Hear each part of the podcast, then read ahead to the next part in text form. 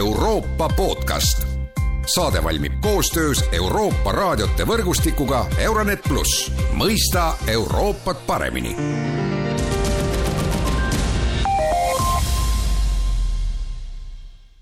tere taas kuulama Euroopa podcasti.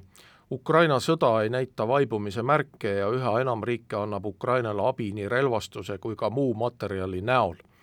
Ukraina sõja väljavaadetest on tänases Euroopa podcastis ja Tartu stuudios kõnelemas sõja ajaloolane Igor Kopõõtin, tere päevast! tere päevast! ja mina olen Erkki Pahovski.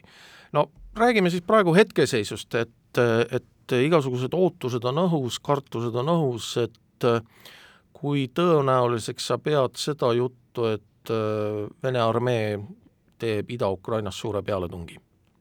väga suure tõenäosusega nad teevad seda. Aga peab tunnistama, et minu hinnangul ei ole Venemaa praegu võimeline vallutama või sõjaliselt hävitama kogu Ukrainas või Ukraina sõjaväge.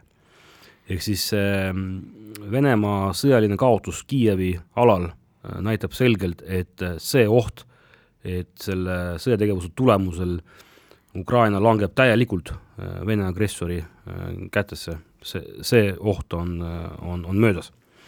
Aga ei ole välistatud või noh, on suure tõenäosusega, et Venemaa ei, ei loobu oma esialgsest plaanist, strateegilisest kavatsusest kogu Ukraina siis riik hävitada ja, ja territoorium vallutada.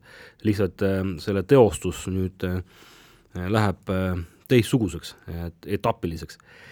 et välksõda on ebaõnnestunud ja praegu nad üritavad tõepoolest äh, kõigepealt saavutada kontrolli Ida-Ukraina üle ja, ja seejärel eks näis, et ma arvan, et nad üldiselt ei taha peatuda, sest nii kaua, ütleme noh, nagu ma olen juba varem ka korduvalt rääkinud, et ilma Ukrainata Vene riik ei ole impeerium.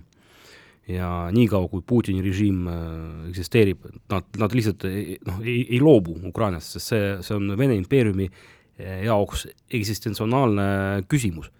et äh, Ukraina peab olema nii-öelda Vene impeeriumi osa.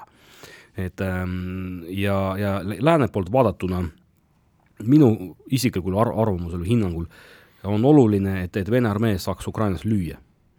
sest kui ukrainlased ei saavuta otsustavat sõjalist võitu või siis vastupidi, kui, kui, kui Venemaa ei, ei, ei ole siis äh, löödud selles sõjas, siis ähm, Putini režiim äh, jätkab oma eksistentsi. Äh, et me peame mõistma, et, et režiim ei ole ainult Putin, et see on siis nagu tsaar on ju noh, et noh, kuningas surnud, elagu kuningas, et et, ähm, et, et kui noh, ma toon jälle paralleeli ajalooga, et kui Aleksander, Aleksander Teine oli narodovoltside poolt äh, tapetud, mõrvatud, siis äh, tuli Aleksander Kolmas, on ju. et siis äh, tsaar muutub, vahetub, aga poliitika jääb samaks.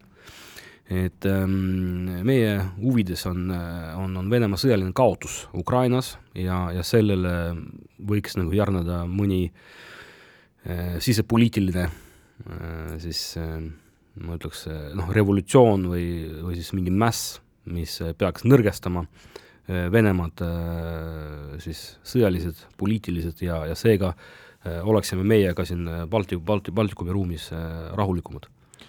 No see, see revolutsioon või mäss, seda on tõesti Vene ajaloos palju olnud äh,, aga, aga kuivõrd, kui, kuivõrd suureks sa hindad üldse seda võimalust, et, et venelased teavad siis, mis siis Ukrainas toimub, et see kaotus peab ju neile olema näha, et muidu nad ei hakka mässama ja noh, praegu me näeme, et nad ju ei, tegelikult ei tea, mis Ukrainas toimub, et see, mida neile televisioonis näidatakse ja, ja kuskilt portaalidest see pilt, mis avaneb, see ju loob mingisuguse paralleelmaailma tõsi jah, kui me võrdleme äh, praegust olukorda näiteks noh, ajaloo sündmustega, näiteks Vene-Jaapani sõda, et, et äh, tuhat üheksasada viis äh, Venemaa kaotus Vene-Jaapani sõjas mõnes mõttes põhjustas viienda aasta revolutsiooni, kuid toona oli, noh, see on paradoks, aga tsaaririigis oli ajakirjandus palju vabam olnud kui, kui tänapäeva Venemaal ja mm, kodanikuühiskond äh, toona äh, toimis mõneti paremini kui, kui, kui praegu. et Putini Venemaal igasugune poliitiline opositsioon on maha surutud, suurem osa venemaalastest, kes elavad Venemaal ja väljaspool Venemaad, paraku toetavad Venemaa agressiooni Ukraina vastu. ja noh, üldiselt minu hinnangul äh, laias laastus, kui me nüüd vaatame Vene ühiskonda tervikuna, et, et vahet ei ole, et kas ta on nagu punane või, või valgekaartlane, siis ta jääb ikkagi šovinistiks. et ähm, mõnes mõttes äh, võib vaadata näiteks, ma ei tea, teises maailmasõjas äh, kindral Vlasov, kes tegi sakslastega koostööd äh, selleks, et sõdida Stalini vastu, näiteks Ukraina küsimuses Andrei Vlasov, tal ei olnud mitte mingit kompromissi. et, et ta oli selgelt Stalini vastu, noh, bolševistliku terrori vastu äh, Äh, ilmselt äh, noh, Eesti kohta ei, ei, ma ei tea, mis oli tema seisukoht, ilmselt ta, tal ei olnud midagi vastu Eesti iseseisvusele. aga no Ukraina küsimuses no ei, lihtsalt ei olnud kompromissi, on ju. nii et ähm, see natuke meenutab äh, Aleksei Navalnõi siis positsiooni Krimmi osas, et tuntud Navalnõi siis ütlus, et Krimm ei ole võileib, mida siis tuleb edasi-tagasi anda aga noh, selge see, et, et praegu mm, ikkagi opositsiooni äh, liidrid, noh, Navalnõi ise ka äh, mõistavad hukka agressiooni, aga noh, pigem nad nagu näitavad äh, sõjalist agressiooni läbi selle võtme, et, et Vene armee ei ole edukas Ukrainas, see on häbiväärne, see on ähm, Vene siis türanni nii-öelda saadus ja see on, see on korruptsiooni tulemus et miks Vene armee ei ole edukas, on ju. aga noh, justkui Vene liberaalidel on, on, on natuke kahju, et, et vaadake, et, et meie armee ei ole võimeline täitma sõjalisi eesmärke, on ju et süda natuke valutab selle pärast justkui, on ju. Noh. nii et, et mm, ma arvan, et, et iseenesest äh, teoorias on mm, see võimalus, et Venemaal äh, puhkeb revolutsioon, on väga väike. et nendel põhjustel, mida ma nüüd olen juba nagu öelnud. et lisaks sellele veel äh, nagu kui me vaatame ka olukorda Valgevenes, äh, kus opositsioon äh, oli suru-, jõuliselt maha surutud, et äh, väga raske, praktiliselt võimatu siis saavutada mingit revolutsiooni eesmärke, kui riik kasutab opositsiooni vastu jõudu, aga revolutsionäärid ise seda jõudu ei kasuta. siin on, võib-olla tooks välja tuntud noh, Lenini siis teesi, et revolutsiooni valgetes kinnastes ei tehta ehk siis kui riik kasutab äh, äh, jõudu, toores jõudu, siis peab riigi vastu samamoodi siis noh, et äh, noh, mässulised, eks ole, opositsioon peab samamoodi siis vastama, on ju. kaks tuhat neliteist Maidani noh, aurevolutsioon Ukrainas, et mm, samamoodi oli see mm, oma kaitse loodud selleks, et kaitsta ähm, noh, siis noh, üles tõusnud, on ju noh. nii et, mm, et veel kord võib-olla äh, Saksamaal me nägime, et sakslased hakkasid äh, tajuma seda kollektiivset äh, süüd äh, Hitleri pärast alles neljakümne, pärast neljakümne viiendat aastat. ja palju Saksamaa hiljem tegelikult ju. palju hiljem tegelikult jah, et nelikümmend viis oli see tule-, noh, see oli jah, et sõjaline kaotus, totaalne kaotus, noh, miljonid ohvreid ja ja siis äh, palju hiljem jah, et tegelikult, aga noh, see, see, see kõik tulenes sellest neljakümne viiendast aastast.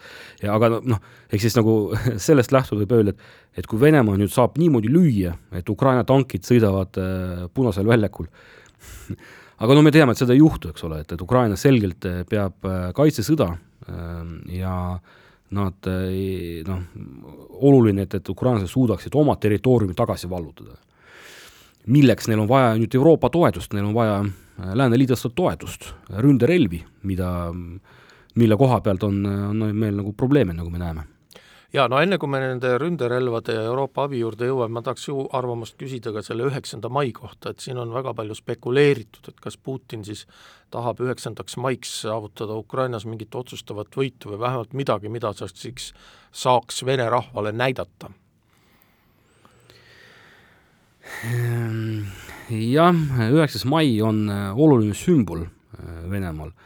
Mm, noh, me teame, et, et äh, Putin ja, ja Kremli režiim on konstrueerinud oma ideoloogiat tuginedes ajaloo tõlgendamisele, sellised, et nad on laenanud teatud elemente Nõukogude Liidu ajaloost ja Nõukogude ajaloost ja, ja Vene tsaaririigi ajaloost üheksas mai on, on selline võib-olla üks, üks, üks kandev sümbol, mis tähistab siis ähm, Venemaa, Nõukogude Liidu võitu teises maailmasõjas läbi Kremli režiimi tõlgenduse. ja kaks tuhat neliteist Ukrainas ähm, olukord Donbassis eskaleerus minu, minu mäletamist mööda ka seoses üheksanda mai sündmustega. et ähm, seda, seda kuupäeva, noh, see on oluline, seda võidakse kasutada olukorra eskaleerimisel Euroopas, kaasa arvatud Eestis, ja kindlasti oleks, oleks Putinil väga meeldiv, kui Vene armee suudaks üheksandaks maiks saavutada märkimisväärset võitu. Kas või näiteks, no see on Vene ajaloos tegelikult üsna, üsnagi levinud, et saavutada mingisugune taktikaline sõjaline Äh, äh, võit, äh, oluline mõneks tähtajaks, näiteks tuhat üheksasada üheksakümmend neli Groznõi lahinguid, nagu mäletavasti taheti Groznõi vallutada Boriss Jeltsini sünnipäevaks, on ju. et teatud tähtajad olid ka niinimetatud suure sisemaasõjas. et äh, näiteks operatsioon Bagration Valgevene siis vabastamiseks sakslaste vastu pidi algama kahekümne teisel juunil nelikümmend neli, ehk siis täpselt kolm aastat pärast Saksamaa rünnakut Nõukogude Liidule. nii et, et ma, ma, ma ise, ma lugesin siin, oli Rainer Saks vist jah, kirjutas, et et üheksas mai on, on, on lihtsalt kuupäev, et mis ei tähenda mitte midagi, on ju ma, ma ei oleks võib-olla, ma, ma, ma pigem ei, seda arvamust ma võib-olla ei jaga, on ju, et ma ikkagi arvan, et see üheksas mai on, on väga oluline, sümboolne ja võib-olla nad ikkagi püüavad äh, saavutada olulist edu äh, Donbassis selleks äh, tähtajaks, aga noh, lähiajal me näeme, kuidas see olukord hakkab seal arenema. No räägime nüüd sellest abist kõik on ju omavahel seotud, eks ole, et praegu tundub, et lääneriigid äh, on aru saanud, et äh, Ukrainale tuleb anda rohkem abi ja põhjus on see, et noh, me näeme neid metsikusi, mida Vene armee on korda saatnud siis nendel aladel, mille ukrainlased on tagasi vallutanud, ja, ja see kõik ju tegelikult välistab rahukõnelused, et muud võimalust ei ole, ukrainlased peavad sõdima et selleks, et nad saaksid sõdida, tuleb anda abi ja ja kuidas sulle tundub, et kas, kas Lääs on teinud piisavalt või, või peaks ikkagi rohkem tegema või peaks andma neid ründerelvi rohkem ja kiiremini, et ukrainlastel oleks mingi võimalus? Ma arvan, et Ukraina peab saama rohkem ründerelvi selleks, et vabastada oma territoorium. Selleks, et, et ukrainlaste taktikalised vastupealetungid lõppude lõpuks tooksid operatiivset edu. ja ründerelvade all ennekõike siis noh, on vaja ballistilisi rakette, hävitajaid, tanke, liikursuurtükke me teame, et, et osad riigid on nõus, valmis ja juba äh, tarnivad Ukrainasse ründerelvi, näiteks Slovakkia hiljuti äh, kahe patarei jagu mm, liikursuurtükke on andnud. Poola äh, on, on loovutamas Ukrainale T seitsekümmend neli, T seitsekümmend kaks siis lahingutanki baasmudelid. aga küsimus hävitajate osas, nagu ma aru saan, et Poola üritab leida selle vahendaja, kelle kaudu saaks äh, siis äh, äh, hävitajad Ukrainale üle anda. me peame mõistma, et, et Ukraina sõjavägi on väga vapper, aga ilma ründe, ründerelvadeta ta ei ole võimeline saavutama suuremat operatiivset edu. sest selleks, et mõni noh, vasturünnak oleks nii edukas, et, et, et see edu kasvaks operatiivseks, näiteks noh, ta tagasi vallutada Herson või luua maismaakoridor Mariupolise või siis mm, mitte ainult peatada venelaste edasitungi Izumi piirkonnas, vaid ka need tagasi lüüa äh,, on vaja siis läbi viia maismaaoperatsioone ja neid on vaja toetada õhust, ehk siis äh, selles lahinguruumis on vaja tagada mm, õhu ülekaalu. ja kui äh, seda ei suudeta teha, siis ei, ei ole võimalik maismaaoperatsioone edukalt läbi viia, on ju et ähm, kohati selline tunne, et Ukrainas on patiseis, et äh, ründav osapool noh, on initsiatiivi kaotanud, aga Ukraina ei ole võimeline initsiatiivi üle võtma, kuna neil napib ründerelvi. mõnes ja mõttes nagu ongi... Esimene maailmasõda, kus oli ka patiseis ju ja sõda ei lõppenud ja. kiirelt, alguses ju arvati, et noh, et äh, nel-, tuhat üheksasada neliteist, et sõda saab kohe läbi, noh, kuu või paariga, aga sõda kestis neli aastat absoluutselt, nii et selge see, et kui venelaste välksõda on läbi kukkunud, siis sisuliselt on praegu nii-öelda üle, üle minemas kurnamissõja siis nii-öelda strateegiasse kus venelased kasutavad ära, lihtsalt kasutavad toores jõudu, massi, äh, arvulist ülekaalu. ja seal nagu noh, mingit äh, tõsist sõjakunsti ei, ei, ei paista praegu välja.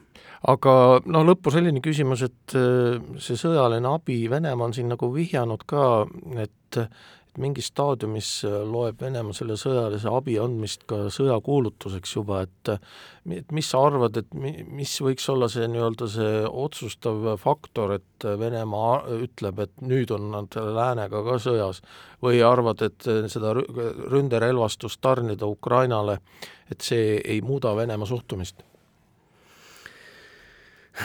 ütleme nii, et vaata noh, ma, ma ei ole, ma ei pea ennast äh, väga suureks võib-olla NATO või Euroopa Liidu spetsialistiks, et mm, aga no ütleme ettevaatlikult nüüd arvates, et mul tundub tõesti, et mm, et lääs ei taha olukorda eskaleerida, see on mõistetav, et äh, lääs, lääne nii-öelda nagu tippesindajad on, on mitu korda on öelnud välja, mida lääs ei tee siis äh, aga, aga noh, näiteks et, et noh, lääs ei, ei kehtesta no-fly zone'i, on ju, et lääs ei, ei, ei tarni teatud, teatud nagu siis ründerelvad nagu noh, näiteks äh, et või, või siis noh, et lääs ei, ei saada oma väed Ukrainasse, on ju. aga, aga, aga kas see mõjutab, kas see mõjub heidutusena Venemaale? Et, et see pigem võib-olla nagu noh, annab julguse võib-olla Putinile, noh nagu näiteks Joe Biden on korra öelnud, et et, et Ameerika Ühendriigid ei hakka sekkuma Ukrainasse, kui Putin teeb seda väikest võidu, võidukat sõda, on ju noh. et, et kas noh, et, et, et see, see ei ole heidutus nagu. et vastupidi, peaks nagu, kui me vaatame tuhat üheksasada kuuskümmend kaks Kuuba kriis, on ju, et pigem ju seal heidutus toimis selliselt, et kui Kennedy administratsioon on, on, on teinud kõik selleks, et et punased jooned kehtestada, kehtestada teistsugustel põhimõtetel. et kui te teete seda, siis me vastame jõulised, on ju.